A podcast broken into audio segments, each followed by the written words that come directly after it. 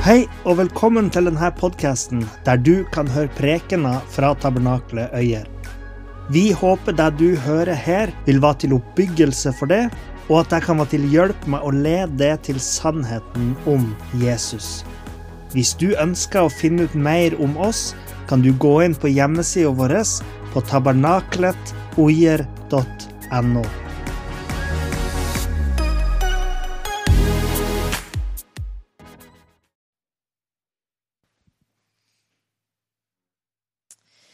Ja,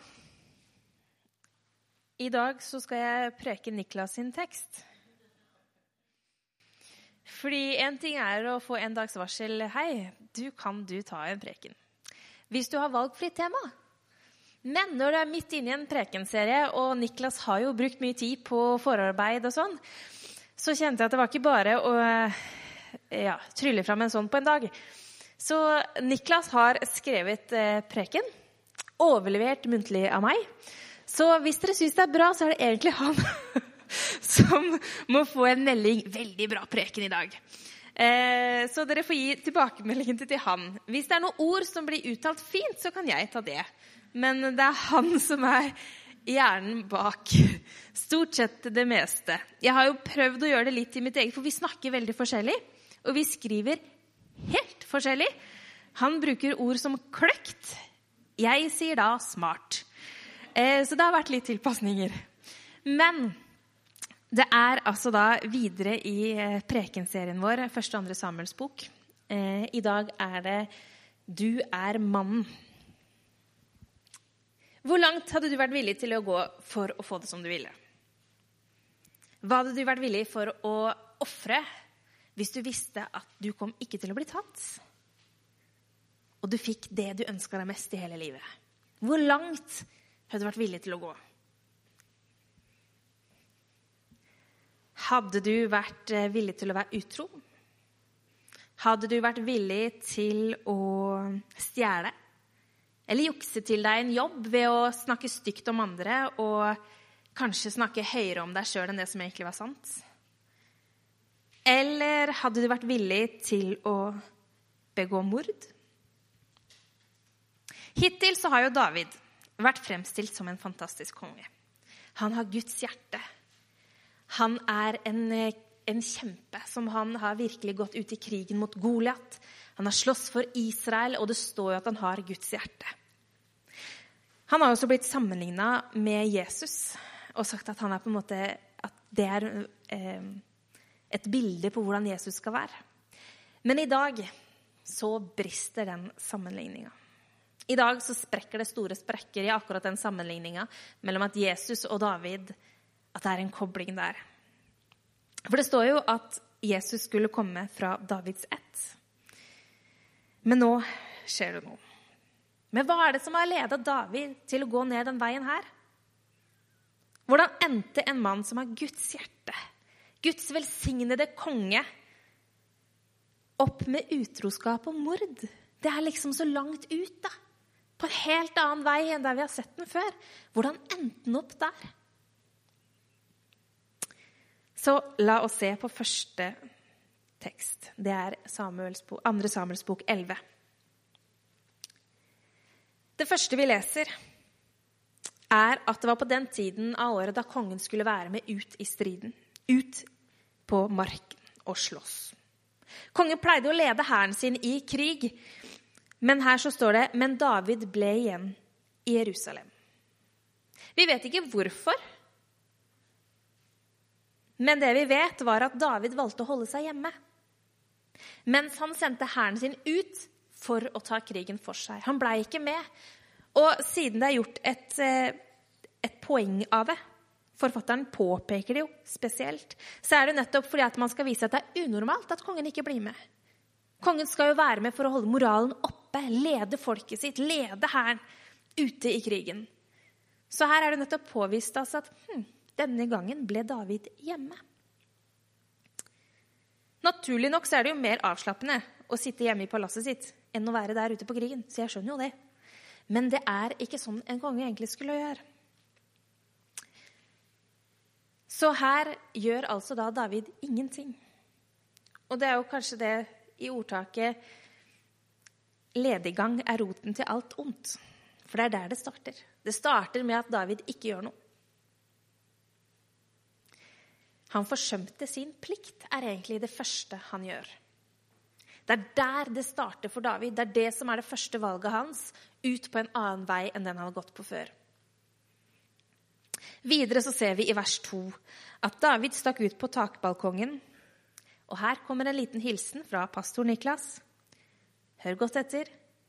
Tydeligvis var David en slik en takballkonge. Oi, oi, oi, oi, oi. Takbalkonge. Han gikk på takbalkongen. Og så står det der Fra taket så han en kvinne som badet, og kvinnen var meget vakker å se på. Han så Batseba, som var meget vakker å se på. Men det endte ikke, med, endte ikke der med at han bare så på henne. Det endte ikke med at han bare la merke til Oi, der er det en dame som bader. Ja, da ser vi videre denne veien her. Nei, han fortsatte å se. Han lot øynene hvile på henne. Og det er da det skjer. Fordi noen ganger så kan man Det kan jo skje med oss at blikket flakker litt rundt, og så ser man noe man kanskje ikke skulle sett, men sett var sett. Og da kan man ikke use det, men det kan jo skje. Men det er det som er Hvis man lar det vokse til et begjær, det er da det er et problem. For hva er det som skjer med Eva i Edens hage? Det var ett tre som Adam og Eva hadde fått beskjed om å ikke spise fra. Og selvsagt hadde de sett det treet. De visste godt hvilket tre det var snakk om. Og de hadde jo sett det lenge. Men det var ikke før slangen begynte å hviske fristelser inn i øret på Eva, at det treet forandra seg. Treet var det samme, men det så annerledes ut gjennom øynene til Eva. Plutselig så fikk det treet et helt annen form. Første Mosebok 3,6. Så står det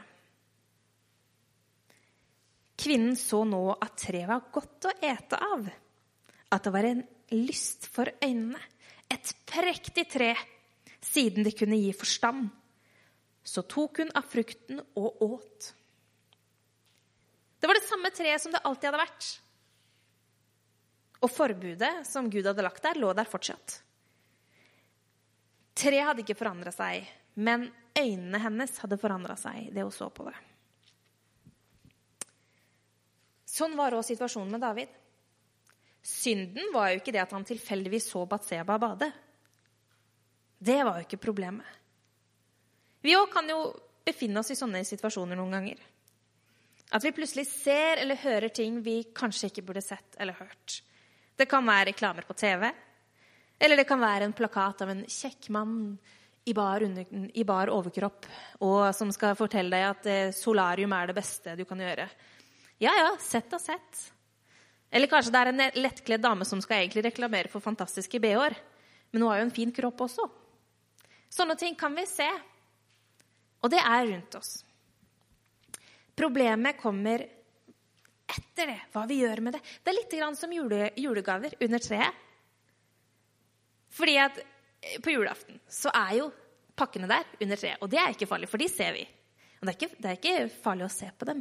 Men hvis du tilfeldigvis setter deg ned akkurat ved siden av den ene og bare ser på lappen, og så er det ditt navn Da begynner nemlig i hvert fall min fantasi å løpe løpsk. Da begynner den å analysere form, vekt. Er den myk eller hard? Hvor mye veier den?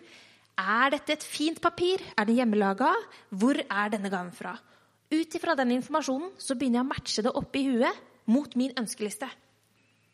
Og på kort tid før jeg i det hele tatt klarer å si at nei, dette skal jeg ikke se, så har jeg gjetta til at det var nok mest sannsynlig et strykejern. Ikke sant?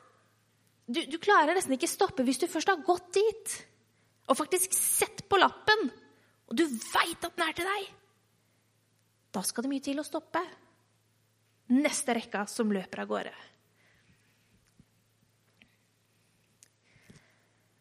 Så Davids synd var jo ikke det at han så, men det var det at han fortsatte å så helt til det ble en fristelse. Han ble frista av det han så. Så den andre tingen som eh, David gjør, er at han begynner å begjære Batseba. Neste spørsmål er jo da hva gjør David med begjæret?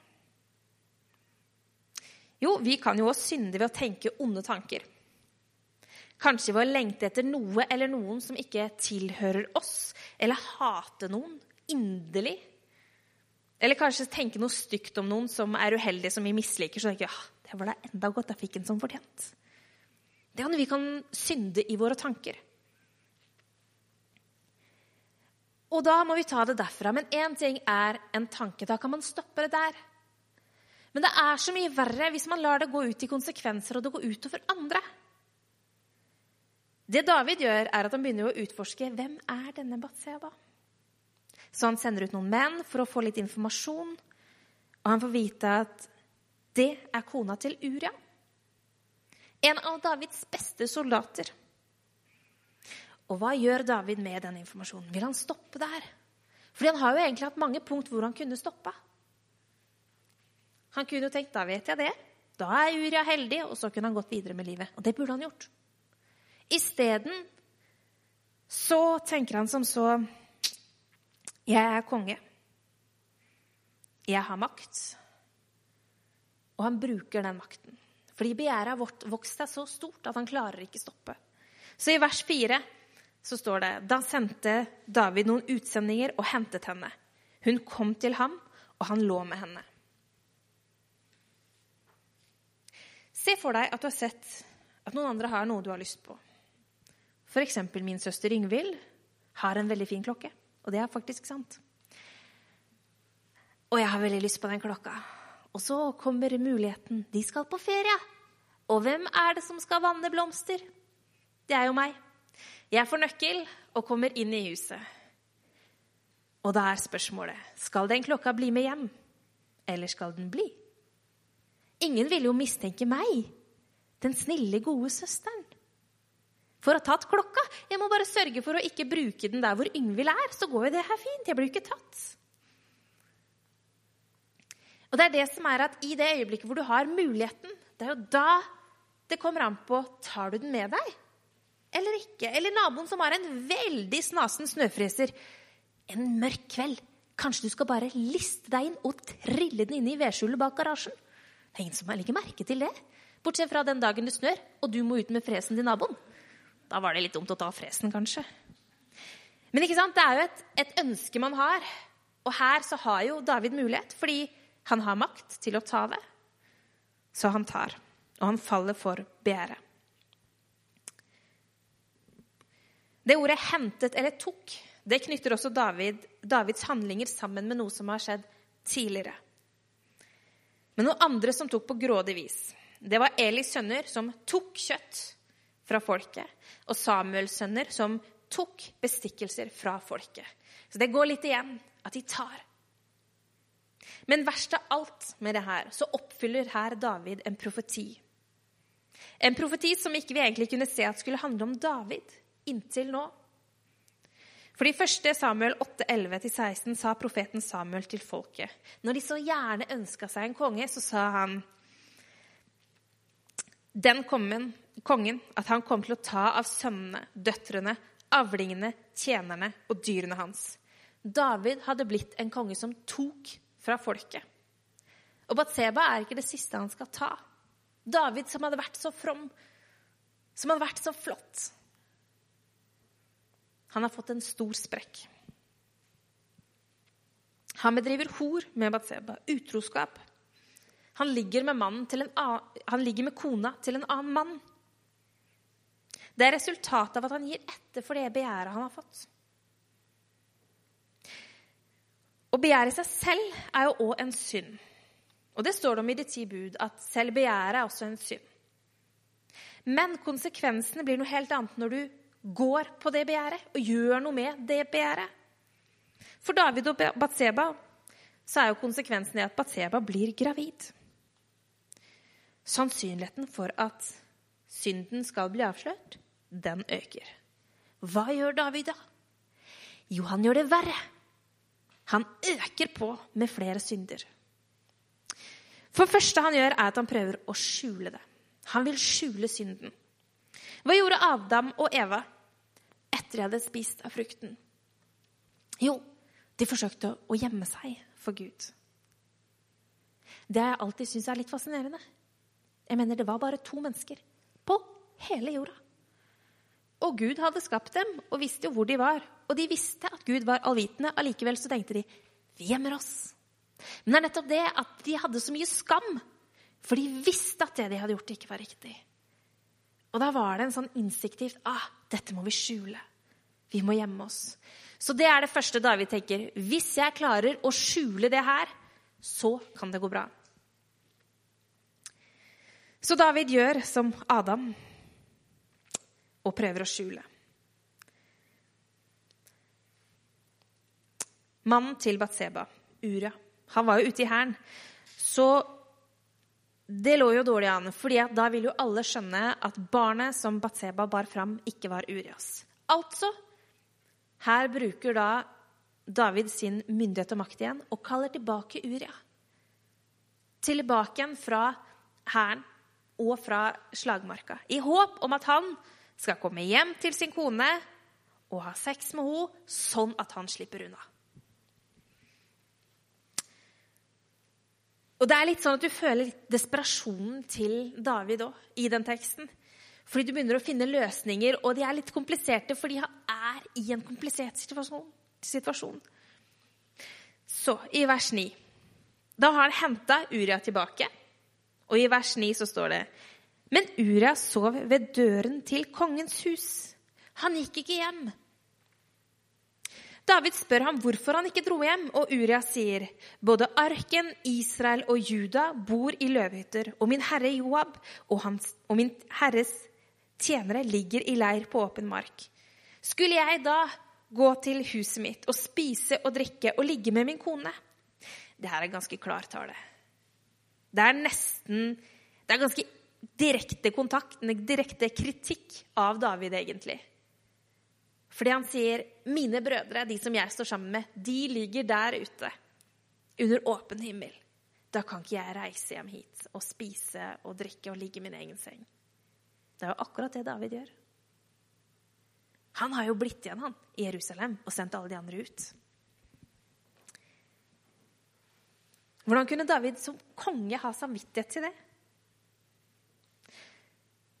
Men David han prøver en gang til, fordi han skjenker Uria full. Men uten hell. Fordi Uria sov sammen med kongens tjenere. Så selv ikke det gikk. Selv ikke når Uria er i ruspåvirka tilstand, så forlater han posten sin. Det er litt av en mann, det må jeg si. Hvis David hadde hatt noe selvinnsikt på det tidspunktet her, så må han jo ha sett at Uria strekker litt lenger enn han. For han som konge hadde jo ikke noen problemer med å være igjen. Det tenker jo ikke David på i det hele tatt. Det David frykter mest, det er skammen og skylden ved at synden skal komme frem. At de andre får vite om det. Det vil si, han ser ingen annen løsning enn å få Uria drept. Det Han gjør, han sender Uria ut igjen i hæren og så gir han instrukser om at Uria må settes fremst i rekkene, og at resten av soldatene skal trekke litt bak, sånn at Uria faller i slaget. Og det er akkurat det som skjer. Det som er litt ironisk, er jo det at han ikke ser hva han gjør med Uria. For det var akkurat det Saul hadde gjort med han. Saul hadde jo forsøkt å sende David ut i krig for at han skulle bli drept. Og nå gjør han akkurat det samme mot en annen. Etter en stund får David beskjed om at Uria var død, og da tar han Batseba til seg som sin kone. Vet dere at Bibelen snakker om døden som en lønn? Hvis vi følger stegene gjennom denne historien, så ser vi at det går stadig dypere og dypere og dypere i synd. Så det er egentlig en veldig konkret historie som, hvor vi ser at syndens konsekvens er døden. Men historien slutter jo ikke her. For det er Ura som har lidd mest, egentlig i den historien. Av Davids synd. Siste setning i kapittelet er en vekke for oss som lesere. Det må jeg si. Der står det Men det David hadde gjort, var ondt i Herrens øyne. Her er det på en måte over, fordi på mange måter så klarte jo David det. Han klarte å jukse det til. Han har nå fått Batseba til seg som sin kone. Ingen får vite at det barnet ikke er hans. Uri er død, alt er greit. Men teksten minner oss nettopp på det, at Gud ser oss. Vi kan ikke skjule oss for Gud, heller ikke syndene våre. Gud visste hva Adam og Eva hadde gjort, Gud visste hva David hadde gjort, og Gud vet hva vi gjør. Han vet hva vi har gjort, han kjenner oss. Han kjeller til og med tankene våre. Jesus sa i Matteus 5,21.: Dere har hørt det sagt til, til fedrene:" Du skal ikke slå i hjel, og den som slår i hjel, blir skyldig for dommen. Men jeg sier dere at den som blir sint på sin bror uten grunn, blir skyldig for dommen. Og den som sier til din bror 'tomskalle', skal bli skyldig for rådet. Den som sier 'din tufs', skal bli skyldig til helvetes ild.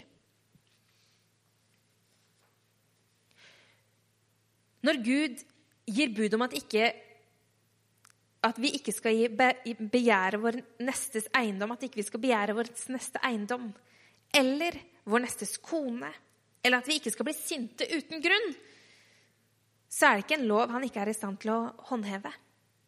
Han ser alle ting. Han kjenner alt. Og du er kanskje ikke skyldig i mord. Det håper jeg ikke. Du er kanskje ikke skyldig i noe som kan sammenlignes med det her. Men samtidig så tenker jeg Kan vi sitte på vår høye hest og si at det der kan aldri gjelde meg? For den vi leser om her, det er jo ikke hvem som helst. David hadde brutt fire av de ti bud. Og Gud hadde ikke tenkt å slippe, ja, la han slippe unna med det. I kapittel 11 så, så, var Gud, så, var det David som sendte bud ut ifra sin autoritet. I kapittel 12 så er det Gud sin tur til å vise sin autoritet. Derfor begynner kapittelet med at Gud sendte profeten Natan til David. Gud konfronterer David gjennom Natan. Han forteller David en lignelse. I en by var det to menn. En var rik, og den andre var fattig. Den rike mannen hadde uvanlig mye småfe og storfe. Men den fattige mannen hadde ingenting unntatt et sauelam som han hadde kjøpt og alt opp. Det vokste opp sammen med ham og barna hans. Det spiste av hans egen mat og drakk fra hans egen kopp og lå i fanget hans. Det var som en datter for ham. En som var på reise, kom til den rike mannen. Men han ville ikke ta noe av sitt eget småfe eller storfe for å lage noe, den, noe for den veifarende som hadde kommet til ham. Men han tok lammet til den fattige og lagde det i stand for ham som hadde kommet til ham. David blir så sint når han hører denne historien der. Han sa i vers 5.: Så sant Herren lever, den mannen som har gjort dette, skal sannelig dø. David avlegger her en ed om dødsstraff. Den mannen skal dø. Og det igjen får oss til å tenke tilbake igjen på Saul. Han var jo òg kjapp med lovnader. Og han hadde mange eder som han ikke klarte å holde fast, nettopp fordi han sa så sant Herren lever, om det så var min egen sønn Jonathan som hadde brukt kongens lover, befalinger, så skal han dø. Ifølge David skulle altså den rike mannen få syndens lønn. Og David fortsetter i vers 6. Han skal gi firedobbelt tilbake for lammet, fordi han gjorde dette og ikke viste medynk. David hadde jo felt dom over den rike mannen. Og dommen hans var jo helt i tråd med Guds forskrifter. Men da sa Nathan til David, 'Du er mannen'. Nathan hadde jo lurt David litt inn i en felle. Og det er jo litt fordi Hvis man konfronterer noen med en skyld eller en, en synd, så er det veldig fort gjort at de går i forsvar, unnskyldninger, bortforklaringer. Og det har vi jo sett, det, det så vi jo i, i første Samuels bok. når Samuel konfronterer Saul, så kommer han jo ingen vei. Nettopp fordi Saul bortforklarer, unnskylder, unnviker og tar egentlig ikke stilling til det. Men Nathan er smart, så han gjør ikke det. Det er derfor han setter opp den fella, sånn at David skal kunne se synden fra et annet perspektiv, for så å felle dommen før han innser at det er han sjøl som står midt i det.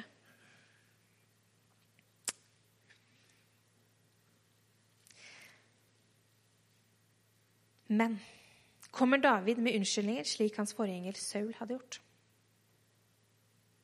Nei, det som skjer etter de konfrontasjonene, det kan vi lese i vers 13. Da sa David til Nathan, 'Jeg har syndet mot Herren'. Nå skal vi se en liten filmsnutt, hvis det er eh, klart. Det er fra et TV-program på NRK som vi så på sammen på fredag. Uh, hvor det er spørsmål til noen prester.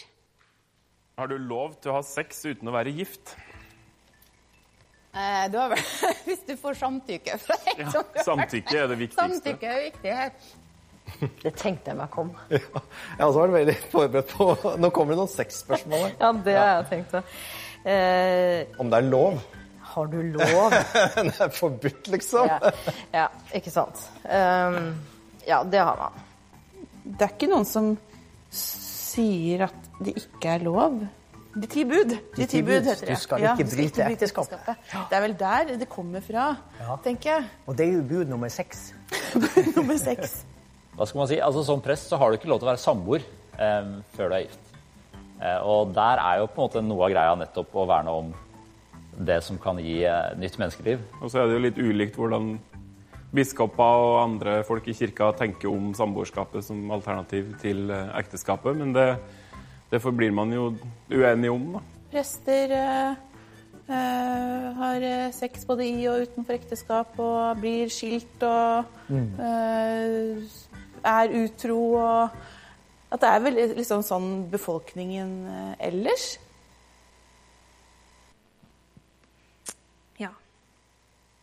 En av de tingene som de prestene her snakker om, er nettopp det som David gjorde med Batseba.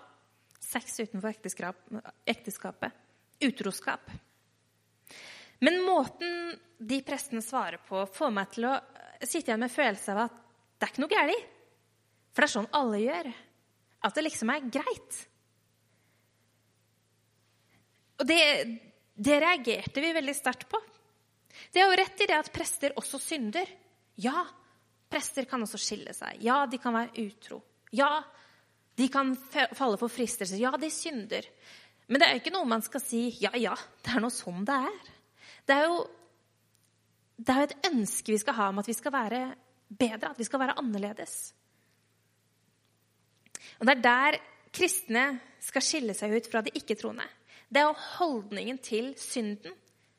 Ikke nødvendigvis om den blir gjort eller ei, men det er holdningen i etterkant. For det er det som skiller David fra sin forgjenger Saul. Han kommer ikke med unnskyldninger. David vender om. Han bekjenner sin synd til Nathan. Sånn må det være med oss òg. Hvis vi synder, så kan vi ikke si bare ja, ja, nei, om vi har sex her og der, om vi skiller oss og gifter oss på nytt og Ja, ja, det er bare sånn folk gjør. Det blir en veldig lettsindighet. Det blir et, veldig, det blir et for enkelt og, og slapt forhold til det jeg mener er synd. Vi kan erkjenne at ja, vi gjør feil. Men det er der jeg ønsker at vi skal være som David og se at ja, vi tråkka feil. Men at vi da vender om. Og jeg tror at de prestene har et ideal om at, at de skal presentere at prester er som alle andre. Og ja, prester er som alle andre. Men forskjellen må jo nettopp ligge i hva gjør man etterpå? De kunne sagt akkurat det samme, men sagt at men vi ønsker jo ikke at det skal være sånn. Eller vi mener jo at det er feil, men det er der tilgivelsen og nåden kommer inn. Det kunne de sagt. Men å la det stå usagt noe mer enn det at sånn skjer hmm.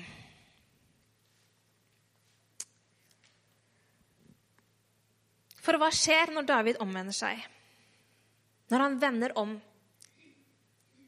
Da sier Nathan til ham i vers 13.: Herren har også tatt bort din synd. Du skal ikke dø. Gud tilgir David. Det betyr ikke at David slipper unna, for han må fortsatt ta den straffen han uttalte over seg sjøl. Men det betyr at David ikke vil få døden. Få dø for sin synd. For døden ville vært det egentlig David fortjente etter det han hadde gjort. Men Gud viser ham nåde fordi David vendte om i tro. Jeg begynte å stille spørsmålet til å starte med her. Hva ville du gjort? Hva, du, hva hadde du vært villig til å gjøre for å oppnå ting, den ting som betydde mest for deg? Hvor langt utenfor dine veier var du villig til å gå for å nå det? Og kanskje de fleste av dere kanskje har hørt denne historien før og tenker at det er irrelevant for meg. Fordi det er så langt unna meg det kan komme. Men tror du virkelig at hvis det kunne skje med Guds salvede konge, som hadde Guds hjerte, og som var en av de beste personene i Gamle testamentet, så kan det ikke skje med meg og deg? Det er jo ikke en tufs vi snakker om. Det var jo ikke en som ikke hadde peiling, og som ikke hadde et forhold til Gud. Det var en salva konge. Som det står at hadde Guds hjerte. Og han gikk ned den veien der. Niklas har hatt en samtale med en dame som hadde opplevd krig i Øst-Europa da hun var ung. Og hun eh, fortalte om ting som noen av familiemedlemmene hennes var nødt til å gjøre. Og i den samtalen så kom det frem at Niklas var pasifist. Da så hun på han og sa, 'Jeg tror ikke du vet hva du snakker om'. Det er enkelt å være pasifist når krigen er langt borte. Men man vet ikke hva man ville gjort hvis krigen kommer til et nabolag. Jeg tror nettopp at poenget hennes eh, var nok nettopp det at det er enkelt å fremholde et ideal. Men vi vet ikke hva morgendagen vil bringe. Det er ikke sikkert at det idealet er like lett å holde så høyt som det er i dag.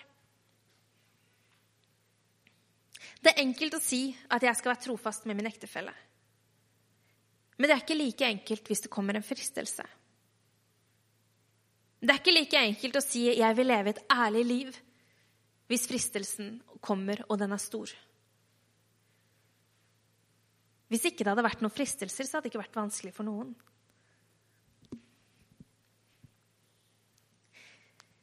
Selv David var jo ikke sterk nok. Jeg har jo en oppfattelse av at han var en ganske sterk mann. Med en gudstro som var sterk og stor. Men han klarte ikke stå imot.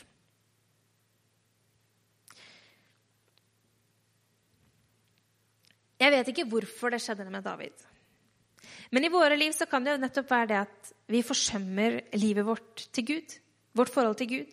At vi sakte lar relasjonen vår litt nedprioriteres.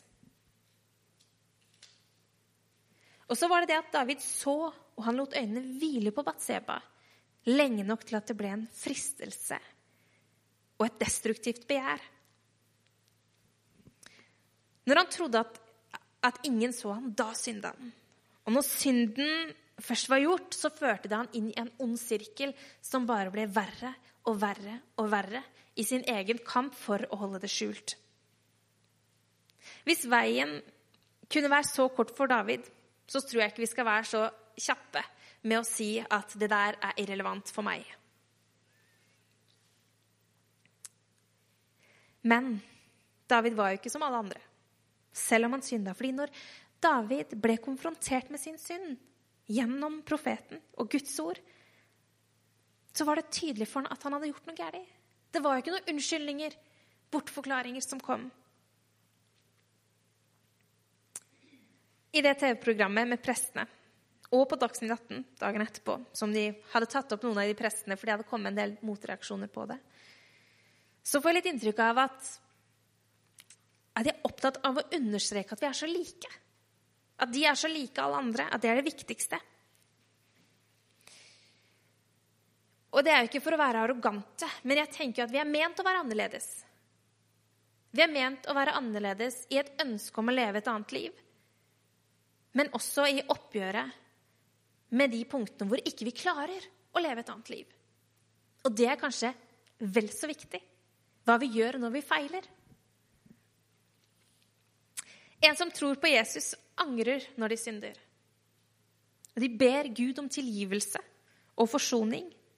Mens en ikke-synder, en ikke-troende, tror jo kanskje ikke på synd engang og tenker at det er en, bare en del av livets skole. Det er bare noe jeg skal lære med meg. Jeg angrer ingenting. Men det er der forskjellen er at hva man sier om en handling, om det er synd eller ei, og hva gjør man med det etterpå? Når, når Nathan retter fingeren mot David og sier 'du er mannen', så treffer det meg. Du er mannen, du er kvinnen. Det er ord til oss. Og jeg tror at det treffer oss, selv om ikke vi står i samme veiskille som det David gjorde. For vi trenger òg å bekjenne det vi har gjort. Vi trenger også å være ærlige. For det fine er jo nettopp det at når vi kommer til Gud og innrømmer at vi har gjort noe galt, så er det ikke fordi at Gud trenger å vite det. Det er ikke fordi at han trenger det, men det er fordi vi trenger det. Fordi det er en legedom i oss ved at vi kommer til Han. At vi vender om i tro og kommer til Han med det som tynger oss. For da vil Gud tilgi oss. For da har jo Jesus båret alt det på seg idet han gikk opp på Golgata og døde og sto opp igjen for oss. Det er jo derfor han gjorde det. Nettopp sånn at vi kan feile, men vi får også muligheten til å vende om i tro på han og be om tilgivelse og be om hjelp og styrke til å ikke feile igjen. Denne historien begynner jo med at David forsømmer sin plikt som konge. Og Det kan virke så smått, men det ender jo helt fatalt. Gud gjenoppretter David, akkurat slik han gjenoppretter deg og meg. Han gir David en ny sjanse, et nytt liv. Og det er det han vil gi oss også. Så David han tråkka feil, noe så til de grader. Men Gud var der og tilga, omfavna og ga han en ny sjanse og gjenoppretta David. Og det vil han gjøre for oss også. Det er nettopp forskjellen mellom Saul og David. da. Er det unnskyldninger? Er det en omvendelse i tro?